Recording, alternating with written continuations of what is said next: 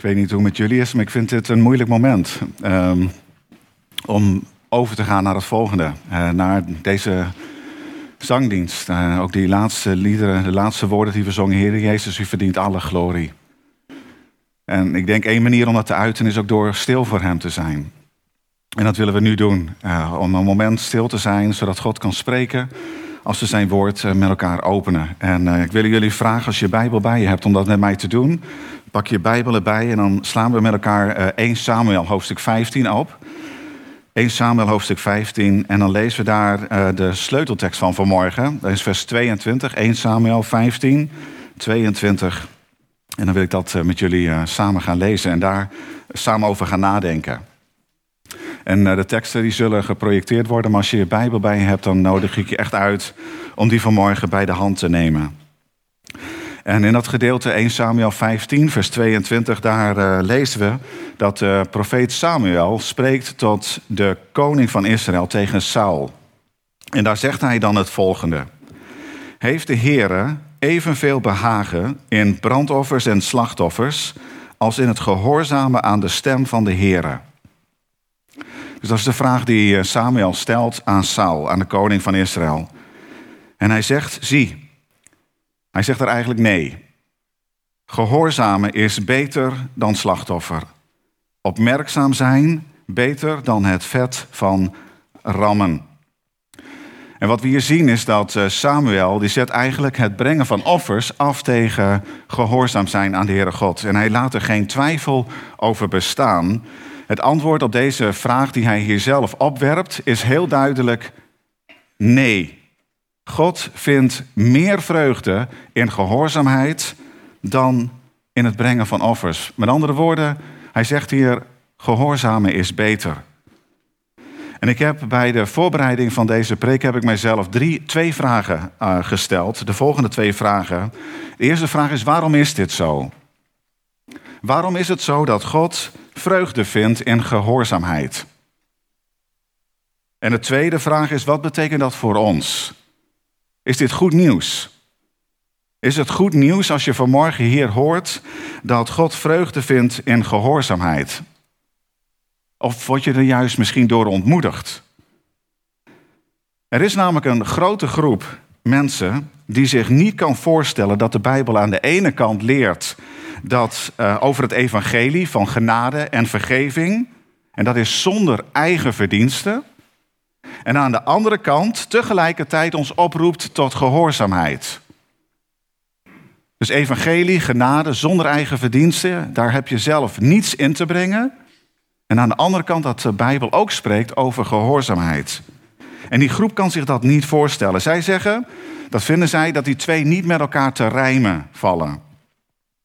Als die mensen horen of als ze lezen over gehoorzaamheid, dan roept dat bij hen een gevoel op van wetticisme, van werken, van moeten. Maar ook van onzekerheid, van nooit weten of je goed genoeg bent. Of of je goed genoeg je best hebt gedaan. Zij zeggen dat het evangelie roept op tot geloof. En in hun manier van denken wordt die oproep tot geloof wordt vertroebeld door de oproep tot gehoorzaamheid. Zij zeggen evangelie is genade en dat kunnen we niet verdienen door God gehoorzaam te zijn. En dus, zo wordt dat gezegd, gaan die twee niet samen. Evangelie en gehoorzaamheid. Dus klopt dat? Hebben ze een punt? Nou, ik wil vanmorgen op twee manieren met jullie samen op hierna gaan kijken, op deze vraag gaan ingaan. Op de eerste plaats door jullie mee te gaan nemen naar een gedeelte in de Bijbel wat je misschien niet direct zou hebben verwacht. Ik wil jullie gaan meenemen naar de tien geboden. Dat is de eerste. En dan in de tweede manier, aan het einde, neem ik jullie weer mee terug naar dit gedeelte in 1 Samuel 15, waar we vanmorgen zijn begonnen. Dat gedeelte van 1 Samuel 15, vers 22. En dan gaan we samen in de context kijken en dan gaan we daar op zoek naar een antwoord. En wat we gaan ontdekken is dat elk van die twee, de tien geboden en in de context te gaan kijken van 1 Samuel 15, dat ze beide een ander licht werpen op deze vraag. Ja? Dus dat, dat wil ik met jullie gaan doen. En ik neem jullie dus eerst mee naar het allereerste begin. Helemaal naar, terug naar de schepping. Want God heeft ons niet zomaar gemaakt. Random, willekeurig. Nee, God heeft ons gemaakt, heeft ons geschapen met een doel. Gods uiteindelijke doel is dat wij, zijn schepselen, dat wij zouden weten dat Hij de allerhoogste en de enige God is. Yahweh. Hij die absoluut is. Alomtegenwoordig. De onveranderlijke, de ik ben die ik ben. En de Bijbel is over dit doel glashelder. Kijk maar eens met mij in Jesaja 43, vers 6b en 7.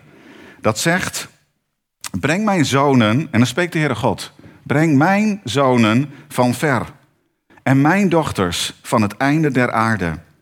Ieder die genoemd wordt is naar mijn naam, die heb ik tot mijn eer geschapen. Die heb ik geformeerd, ja, die heb ik gemaakt. Hier zien we de reden waarom dat Israël, Gods uitverkoren volk, bestaat. Omdat dit de reden is waarom alle dingen bestaan. Namelijk tot eer van God. En dat vinden we al in het allereerste hoofdstuk in de Bijbel. In Genesis 1, vers 27 bijvoorbeeld, vinden we dat. Waar God, eh, waarover God wordt geschreven dat God schiep de mens naar zijn beeld. Naar het beeld van God schiep hij hem, mannelijk en vrouwelijk schiep hij hen. Hoe, hoe schiep Heere God ons? Naar zijn beeld, zegt Genesis. En wat betekent dat? Wat, wat doen beelddragers? Wat is hun doel? Wel, heel simpel. Een beelddrager heeft maar één doel. Dat is het beeld waarna je geschapen bent, om dat af te beelden. Om dat, zeg maar, het, het origineel, het afgebeelde, om daarna te verwijzen. Dat doet het afgebeelde. Het verwijst naar dat waar het naar geschapen is. Het verheerlijkt het origineel. En God maakt ons mensen naar zijn beeld, zodat de aarde en hier vanmorgen deze zaal vol zou zijn met zijn beelddragers. En denk daar eens een momentje over na. Dat er op dit moment, ik geloof dat het de laatste stand is, dat er 8 miljard beelddragers van God, levende beelddragers, levende beelddragers van de Heere God op aarde zijn.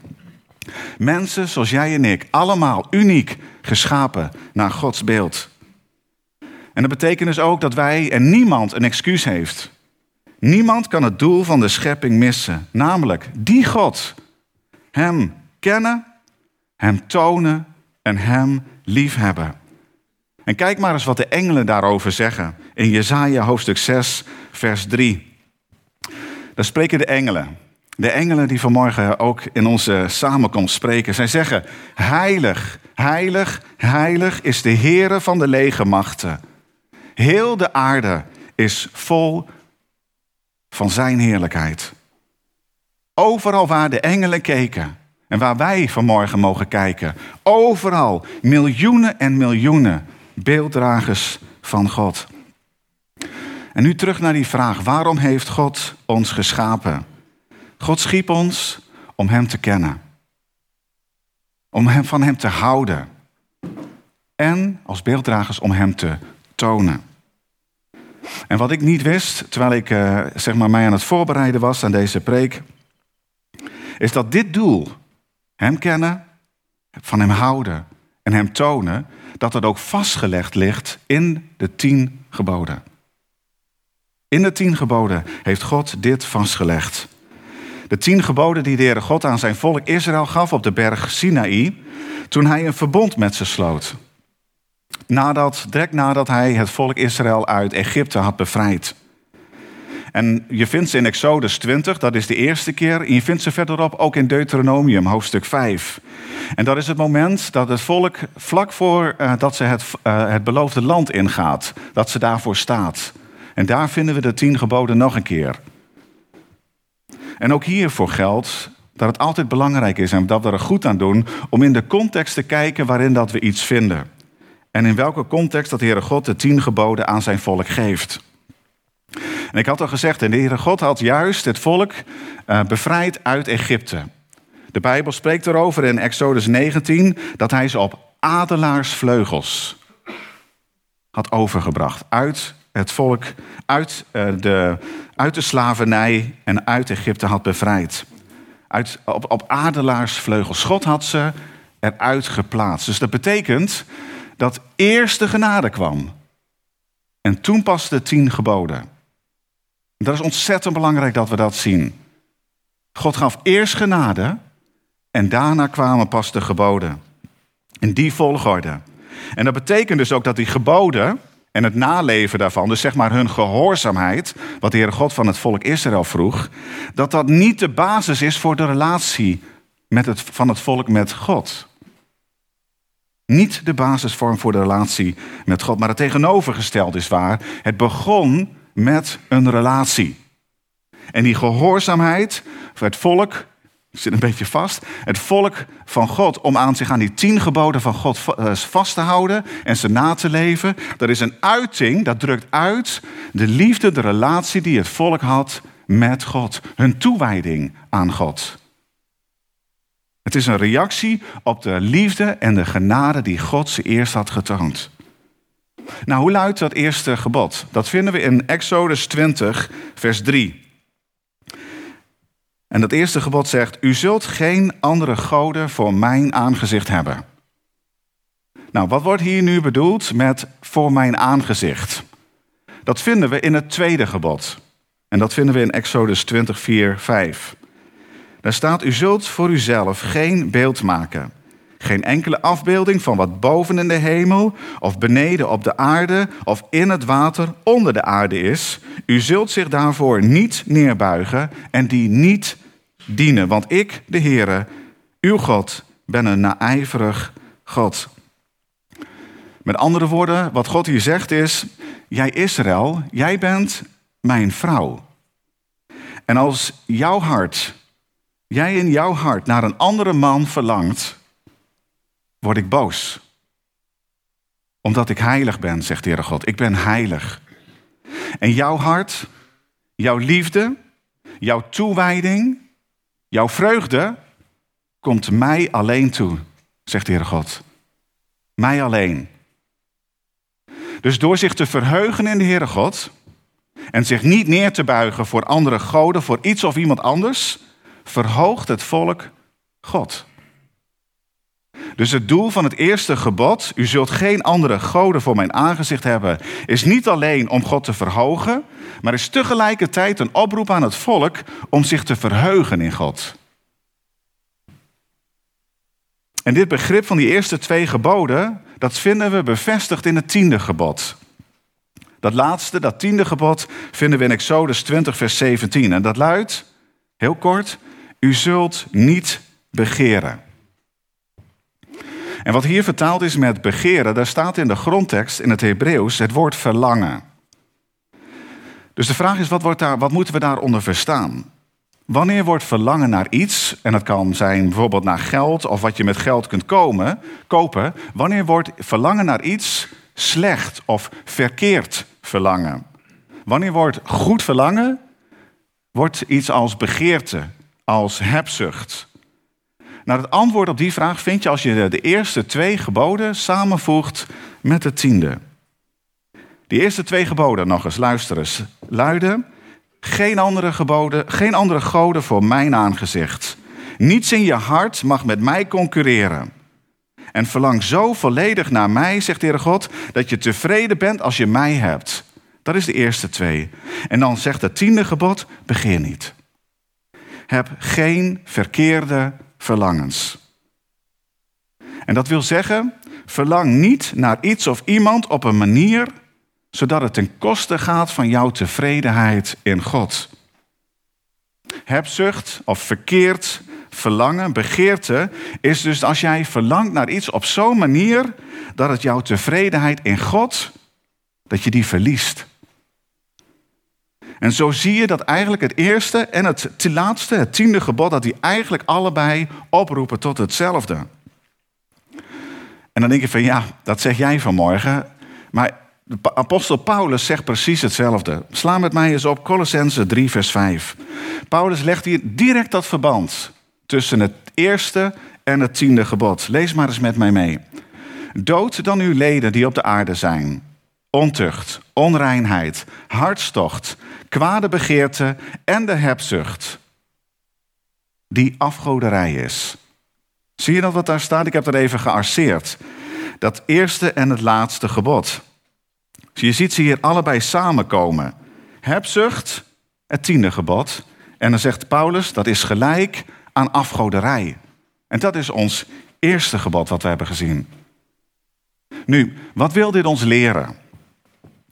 Ik denk dat het Gods bedoeling is dat de andere geboden, dus dan heb ik het over 2 tot en met 9, die vallen tussen 1 en 10, dat die worden gehoorzaamd, dat je daaraan houdt op basis van het eerste en het laatste gebod.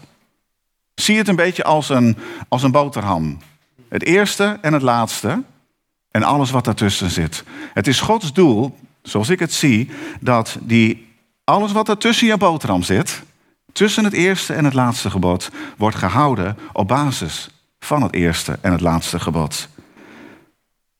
En ik denk dus dat het niet willekeurig is dat de Heere God 2 tot en met 9 gegeven heeft tussen 1 en 10. Het begin en het einde van het wet, zoals de Heere God die aan Israël heeft gegeven, moet, uh, is dat God verhoogd moet worden als het Allerhoogste. En wel zo dat het volk haar diepste voldoening, haar volkomen vreugde vindt in Hem. Eerste gebod en laatste gebod. Wat betekent dit simpel gezegd? Ik denk dat, dat God hier wil zeggen dat Hij wil dat de gehoorzaamheid voortkomt uit een hartsverlangen om Hem te verheerlijken en zich te verheugen in Hem. Eerste en het laatste gebod. Die gehoorzaamheid die God vraagt, dat die voortkomt uit een diep verlangen om Hem te verheerlijken en zich te verheugen in Hem. Want heel simpel gezegd, als, jij moet als, je, als je moet gehoorzamen, en ik denk dat als, als kinderen weten we dat feilloos aan te voelen en ook als oud geworden kinderen. Hoe vaak heb je niet dus dat je met tegenzin hebt moeten gehoorzamen en het misschien dan gedaan hebt? En dat is met verkeerde motieven. En het Bijbel zegt hier, als je dat doet met tegenzin God gehoorzamen, dan verhoog je God niet. Dan verheerlijk je God niet. En dat is het eerste wat ik met jullie wilde laten zien. Dat God dat, deze oproep heeft al vastgelegd. Dat doel waarom dat hij ons heeft geschapen. In zijn tien geboden. In de wet zoals hij die aan zijn volk heeft gegeven. En nu we dit hebben gezien, kunnen we met elkaar teruggaan naar dat gedeelte. Naar 1 Samuel hoofdstuk 15. Waar we zagen in vers 22 dat God vreugde vindt in gehoorzaamheid. Nou, om, om te begrijpen waarom dat, dat zo is, doen we er goed aan om in die context van dat vers 22 te gaan kijken.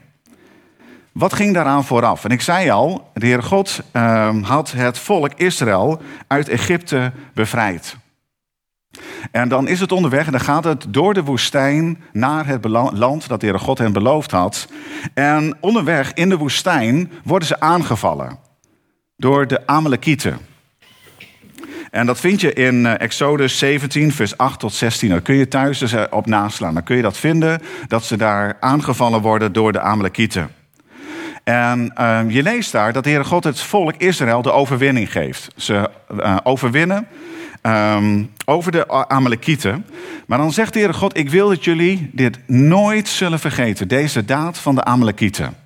Lees maar eens wat de Heere God zegt in Deuteronomium 25, vers 17 tot 19. Daar zegt de Heere God het volgende tegen zijn volk. Denk aan wat Amalek u onderweg aangedaan heeft toen u uit Egypte wegtrok. Hij ontmoette u onderweg en overviel u bij u in de achterhoede, alle zwakken achter u terwijl u moe en uitgeput was.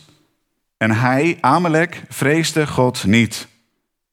Als de Heer uw God u rust gegeven heeft van al uw vijanden van rondom, in het land dat de Heer uw God u als erfelijk bezit geeft om dat in bezit te nemen, moet het zo zijn dat u de nagedachtenis, de gedachtenis aan Amalek, van onder de hemel uitwist.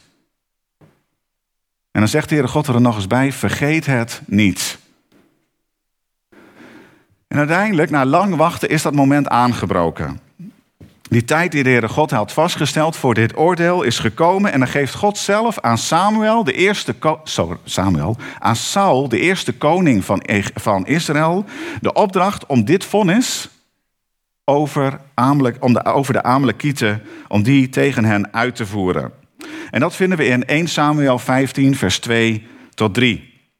Lees maar eens mee. Zo zegt, hier geeft de Heere God de opdracht aan Saul. Zo zegt de Heere van de legermachten. Ik heb acht geslagen op wat Amalek Israël aangedaan heeft. Hoe hij zich tegen hem gekeerd heeft op de weg toen hij uit Egypte kwam. Ga nu heen, Saul, en versla Amalek. En sla alles wat hij heeft met de ban. Spaar hem niet, maar dood hen van man tot vrouw, van kind tot zuigeling, van rund tot schaap en van kameel tot ezel. En op basis van deze opdracht verzamelt uh, Saul zijn leger en trekt hij tegen die stad, tegen de stad Amalek op. En voordat hij de stad binnenvalt, waarschuwt hij het, eh, de, het volk de Kenieten, um, want die hadden juist het volk Israël goed gedaan. En zo gaf hij de Kenieten de gelegenheid om, uh, om weg te vluchten, zodat ze, uh, dat hij Saul hun het leven zou kunnen sparen. En dan verslaat hij inderdaad de Amalekieten. De Bijbel zegt van Havilla tot aan Sur, en dat ligt ten oosten van Egypte. Maar dan in vers 9 zien we dat Saul ongehoorzaam is aan God. Lees maar eens mee. Maar Saul en het volk spaarden Agag, de beste schapen en runderen, en wat bijna het beste was, de lammeren en alles wat goed was. Zij wilden die niet met de band slaan. Maar elk gebruiksvoorwerp dat waardeloos en vergaan was, sloegen zij met de ban. Maar God zag het. En 1 Samuel 15, vers 11 zegt dat God er berouw over had dat hij Saul tot koning van Israël had gemaakt. En Samuel hoorde het en is daar diep door geschokt. En we lezen dat hij de hele nacht roept tot de Heere God. En het gevolg daarvan is dat hij de volgende ochtend opstaat en ervan overtuigd is. En, en zeg maar dat hij vastbesloten is om te doen wat God hem zegt. En die ochtend staat hij op en gaat hij uh, naar Saul. En hij ontdekt dat Saul naar, de, naar Karmel is gegaan, waar de Bijbel zegt dat hij zichzelf een gedenkteken voor zichzelf heeft opgericht. En dat hij daarna, nadat hij in Karmel is geweest, naar Gilgal is gegaan. En Gilgal is de plaats waar hij tot koning was aangesteld. En Samuel hoort dat en gaat Saul opzoeken. En als Saul hem dan ziet, dan zegt hij het volgende. Let, let eens goed op tegen Samuel. En dat lezen we in vers 13. Wees gezegend, Samuel, Wees gezegend door de Heere. Ik heb het woord van de Heere uitgevoerd. Echt, zegt Samuel. Wat heeft dat geluid van die uh, blaterde schapen dan en die loeiende ossen, wat heeft dat dan te betekenen? Maar Saul, we zien dat Saul de schuld geeft aan het volk. In 1 Samuel 15, vers 15. Dan zegt uh, Saul als reactie, die heeft men van de Amalekieten meegebracht. Want het volk heeft de beste schapen en runderen gespaard om de Heere, uw God, te offeren. Maar het overige hebben wij wel met de ban geslagen. Maar niets wat Saul nog zegt, dat helpt nog. Hij is de Heere God ongehoorzaam geweest. Hij heeft niet gedaan wat de Heere God hem had opgedragen. En dan uiteindelijk in vers 24 zien we dat uh, Saul het opgeeft. Uh, en hij geeft het toe. En daar zegt hij: Ik heb gezondigd. Ik heb gezondigd omdat ik het bevel van de Heere en uw woorden overtreden heb. Nou, dat is de context waarin we dat uh, gedeelte van vanmorgen, onze sleuteltekst, vinden. Dus met dit in ons achterhoofd, terug naar onze vraag: waarom vindt God vreugde in gehoorzaamheid?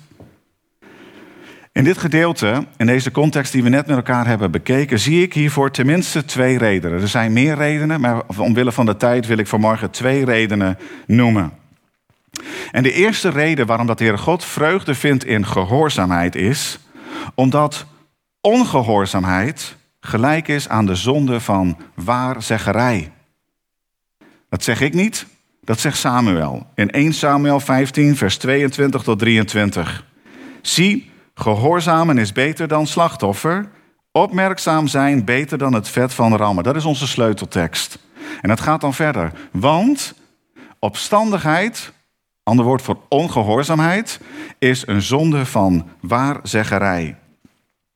Eerder in Deuteronomium 18, vers 10 had de God gezegd dat hij waarzeggerij haat. Lees maar eens mee. Deuteronomium 18, vers 10. Onder u, spreekt God, mag niemand gevonden worden die zijn zoon of zijn dochter door het vuur laat gaan. Die waarzeggerij pleegt, die wolken duidt of aan eh, wiggelarij doet, die een tovenaar is, die bezweringen doet, die een dodenbezweerder of een waarzegger raadpleegt of die de doden raadpleegt. Want ieder die zulke dingen doet, is een gruwel voor de Here. Nu, waarom is opstandigheid of ongehoorzaamheid, waarom is dat gelijk aan de zonde van waarzeggerij? Wel, waarzeggerij is als je probeert achter iets te komen wat je zou moeten doen. En dan ga je, zeg maar, een andere bron van wijsheid ga je raadplegen. En dan ga je voorbij aan het woord van God. Je gaat voorbij aan God zelf. Je wilt je niet door God laten leiden. Op het moment dat je aan waarzeggerij doet. En dus eigenlijk, als je dat doet, zeg je: Heere God, u bent ontoereikend. Eigenlijk zeg je van Heere God, u hebt bij het verkeerde eind. Nou, dat is precies wat ongehoorzaamheid doet. God zegt één ding, ik wil dat je dit doet. En dan is onze reactie, nou, bedankt Heere God, maar uh, ik ga voor een andere bron van wijsheid. In geval van waarzeggerij is dat, is dat een, een soort van medium. Een andere bron van wijsheid. Maar als het op onze ongehoorzaamheid aankomt, van jou en mij, dan zijn wij zelf die andere bron van wijsheid. Wat zegt het bijvoorbeeld? Ik loop al een tijdje bij, bij een huisarts. En die huisarts schrijft mij drie pilletjes per dag voor. En ik besluit er om één te nemen. Als ik zo handel, dan zegt dat dat ik mezelf boven mijn huisarts plaats. Ik vertrouw haar niet. Haar kennis niet, haar ervaring niet. Ik vertrouw niet dat ze het beste met mij voor heeft.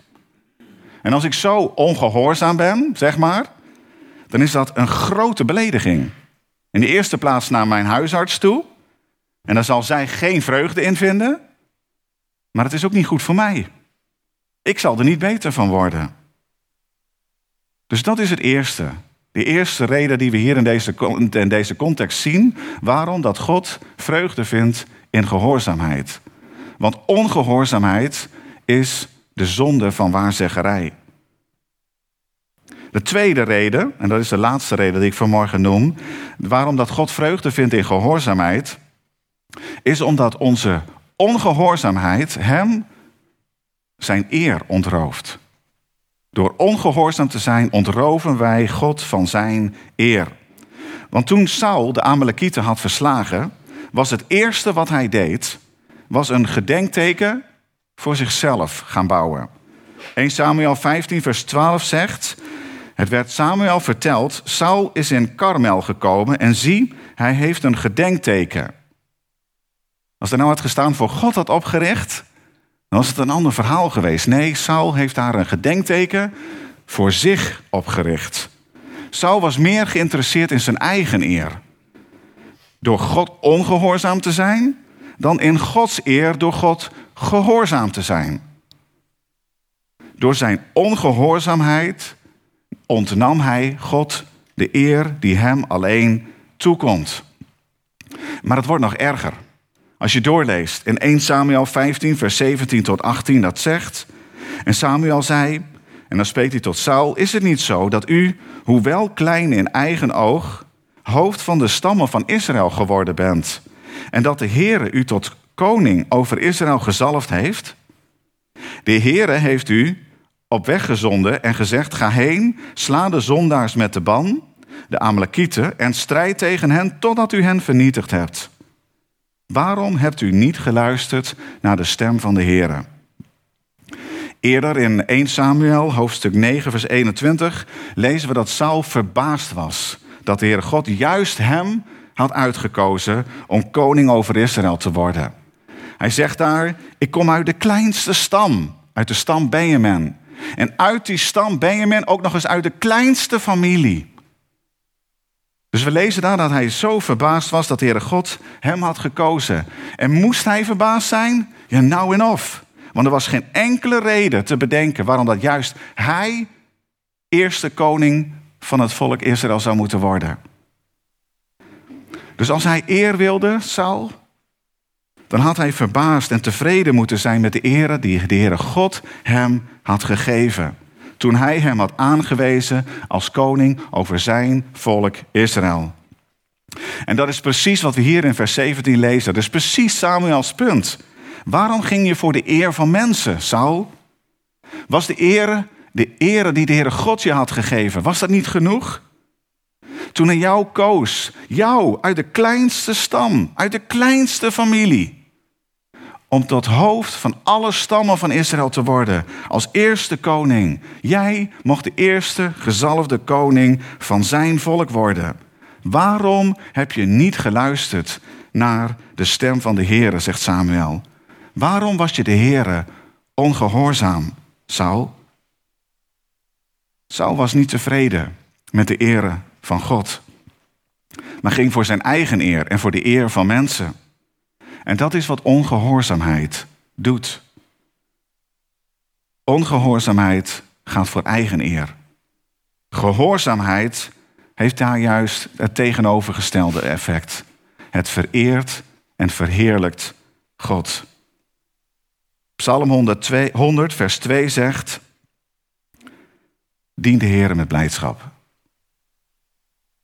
Als we God zo dienen, als we God zo gehoorzaam zijn met blijdschap, echte blijdschap, niet gemaakt, dan laten we zien dat de Heere God onze grootste schat is. Dat we echte, volkomen vreugde hebben in Hem. En dat is waarom dat God vreugde vindt in gehoorzaamheid. Want onze gehoorzaamheid komt voort uit de vreugde die we in Hem hebben. Dat we Hem willen eren. Dat we Hem willen verheerlijken voor de God die Hij in ons leven is. Dat maakt dat we gehoorzaam willen zijn. En zo vereert het en geeft het God de eer en de glorie die Hem toekomt. God vindt vreugde in gehoorzaamheid. God vindt vreugde in ons, in jou en mij, als wij door onze gehoorzaamheid laten zien dat Hij de bron van onze vreugde is. En dat we ons niet laten leiden door de begeerte van de zonde. Want beste broeders en zusters, die zonde, die begeerte is daar. En die trekt aan ons. Maar wij willen ons daar niet voor buigen. Wij willen onszelf daar niet aan geven. Wij willen onszelf geven aan God. Want we weten, door ongehoorzaam te zijn aan God, onteren we onze God. God verheugt zich met blijdschap, zegt de Bijbel.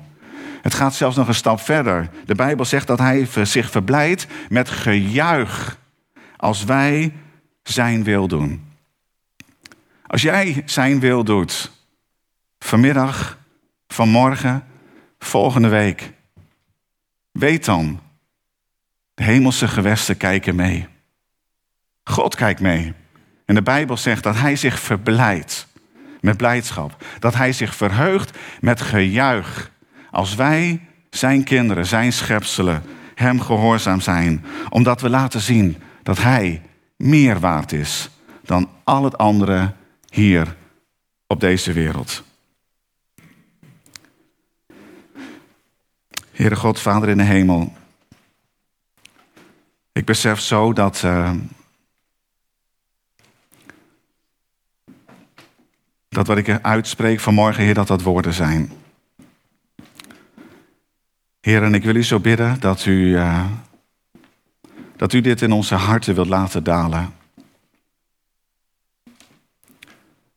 Heer, uw dienstknecht, de apostel Paulus, zegt in een ander gedeelte over u, Heer Jezus, dat u de enige geboren zoon van God bent en dat u God gehoorzaam bent geweest, Heer Jezus, tot in de dood, tot aan, het, aan de kruisdood toe.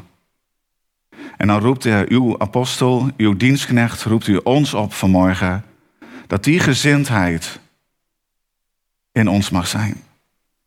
En Heere God, ik wil u zo bidden dat u dit moment vanmorgen wilt gebruiken. Hoe gebrekkig ook. Heer, het is een, een overlaat misschien van, eh, van informatie, van feiten. Ik wil u bidden, Heere God, dat u dat in onze harten wilt maken, dat het uh, in ons hart mag afdalen. Dat het niet blijft hangen ergens in ons hoofd. Heer, maar dat u vanmorgen hiermee wilt doen wat uw wil is. Heer, zo dat u daardoor verheerlijkt en verhoogd mag worden en tot onze vreugde. Dat bid ik u in Jezus' naam. Amen.